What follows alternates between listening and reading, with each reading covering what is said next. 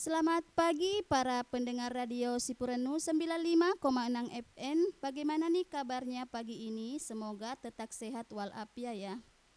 Senang sekali saya Mila masih bisa kembali menemani kalian dalam acara pagi ini. Nah, pagi ini saya akan kembali menjelaskan tentang TPKS atau tindak pidana kekerasan seksual. Ya, kekerasan seksual ad adalah perbuatan kekerasan seksual yang dimaksud dalam undang-undang ini, yakni terdapat sembilan jenis kekerasan seksual juga terdapat sepuluh tindak pidana lain yang telah dinyatakan secara tegas sebagai tindak pidana kekerasan seksual dalam ketentuan peraturan perundang-undangan. Undang-undang TPKS mengevakuasi jenis dapat tindak pidana seksual menjadi sembilan, yakni yang pertama pelecehan seksual fisik, yang kedua pelecehan seksual non fisik. Yang ketiga pemaksaan kontrasepsi, yang keempat pemaksaan trans. Yang kelima, pemaksaan perkawinan. Yang keenam, penyiksaan seksual. Yang ketujuh, eksploitasi seksual. Yang kedelapan, perbudakan seksual. Dan yang kesembilan, kekerasan seksual berbasis elektronik. Baik pendengar Sipurenu, kita istirahat dulu sejenak sambil mendengarkan lagu berikut ini.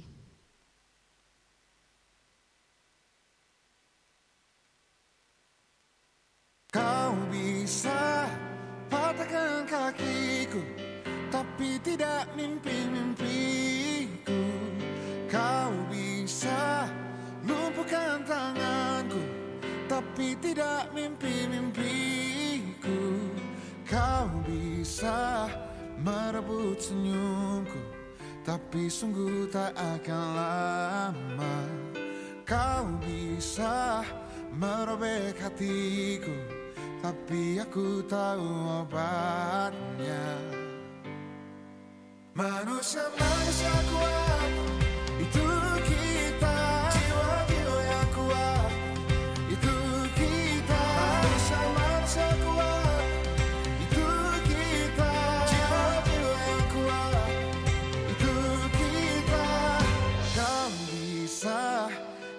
hitamkan putihku Kau takkan gelapkan apa pun. Kau bisa runtuhkan jalanku Kan ku temukan jalan yang lain. Manusia-manusia kuat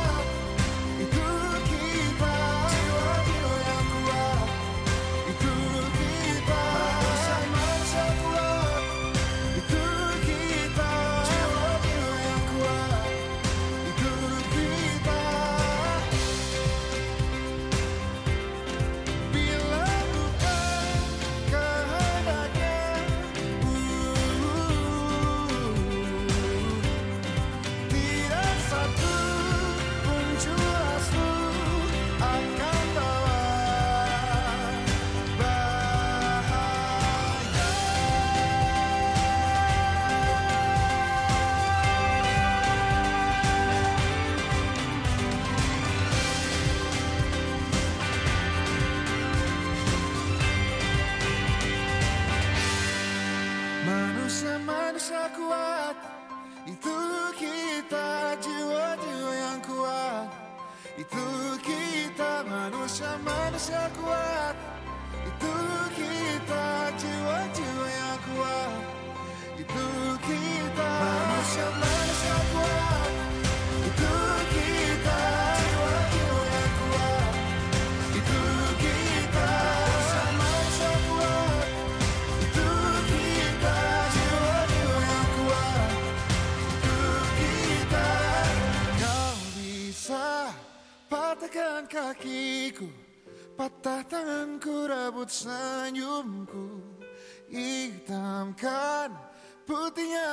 hatiku Tapi tidak mimpi-mimpiku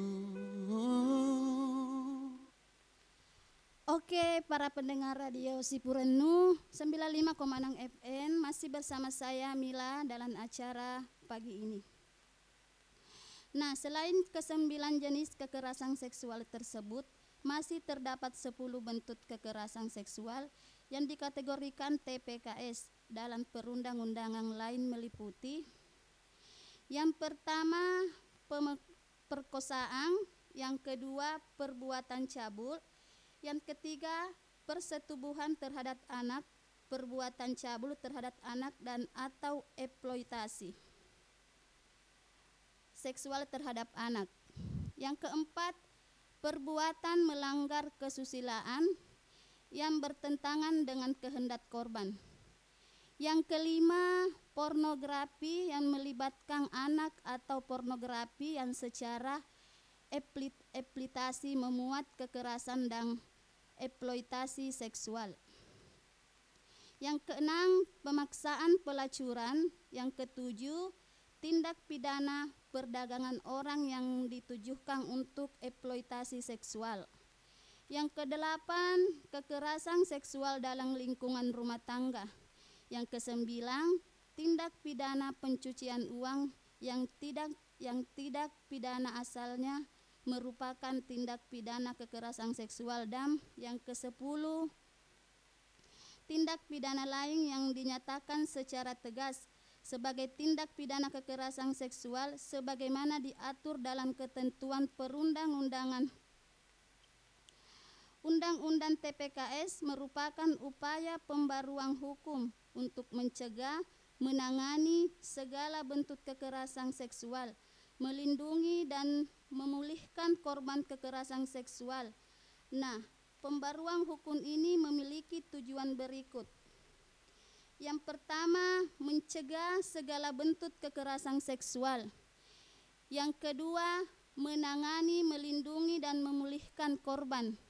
Yang ketiga, melaksanakan pengagak, pengagakan hukum dan merehabilitasi pelaku.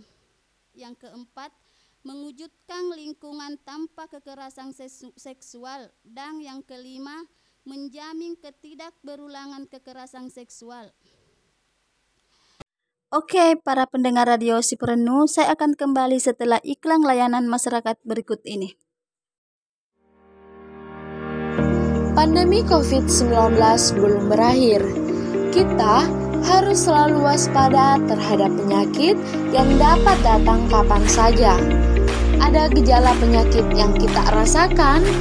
Mari Ki, konsultasi secara online di Rumah Sehat Rakyat dengan menghubungi di nomor WA 081 297 180 454. Jangan makin ragu karena aksesnya mudah dan gratis untuk periksakan kesehatan ketenaga kesehatan secara online.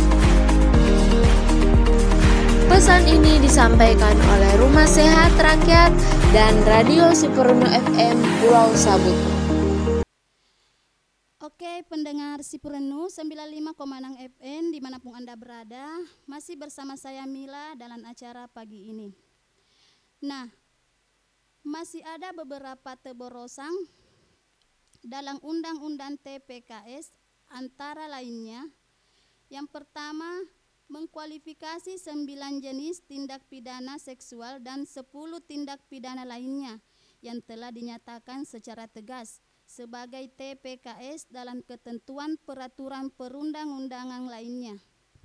Yang kedua, terdapat pengaturan hukum secara yang kompetensi mulai mulai tahap penyidikan, penentuan dan pemeriksaan di, sidang di sidang pengadilan dengan tetap memperhatikan dan menjunjung tinggi hak asasi manusia, kehormatan dan tanpa intimidasi.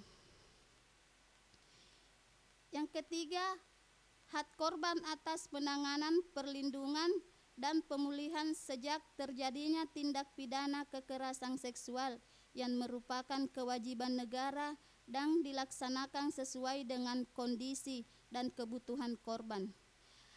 Seperti di antaranya kewajiban pelaku membayar restitusi sebagai ganti rugi ganti ruginya bagi korban Dan jika harta kekayaan terpidana yang disita tidak mencukupi biaya restitusi, maka negara akan memberikan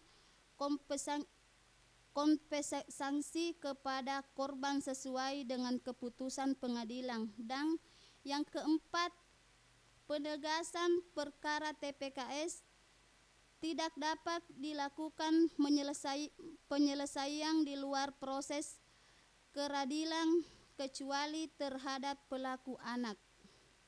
A. Pelaku pelecehan seksual non fisik dapat dikenakan pidana penjara paling lama 9 bulan dan atau denda pidana paling banyak Rp 10 juta pasal 5 yang termasuk di dalam tindakan pelecehan seksual non fisik adalah tindakan seperti komentar, menggoda, candaan, siulan, gestur tubuh ataupun menyatakan hal-hal bersifat seksual yang tidak diinginkan atau membuat korban tidak nyaman. B. Begitupun pelaku pelecehan seksual fisik dapat dikenakan pidana penjara paling lama 4 tahun dan atau pidana denda paling banyak Rp 50 juta pasal 6 huruf A. Dan bila pelecehan seksual fisik dilakukan dengan masuk menempatkan seseorang di bawah kekuasaannya secara melawan hukum, baik di dalam maupun di luar perkawinan, pelaku dapat diancam dengan pidana penjara paling lama 12 tahun atau denda pidana paling banyak 300 juta pasal 6 huruf B.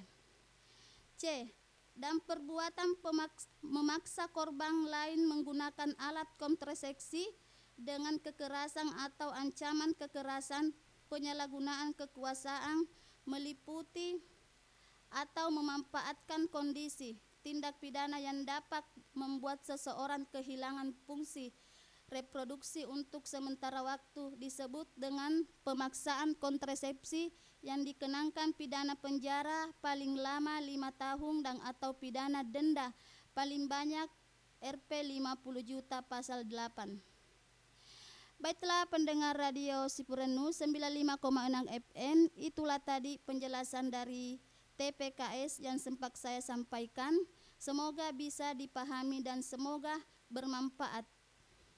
Oh ya, saya ambil penjelasan ini dari https gajimun.com. Mohon maaf apabila ada salah kata atau salah penyebutan. Saya Mila pamit undur diri. Assalamualaikum warahmatullahi wabarakatuh.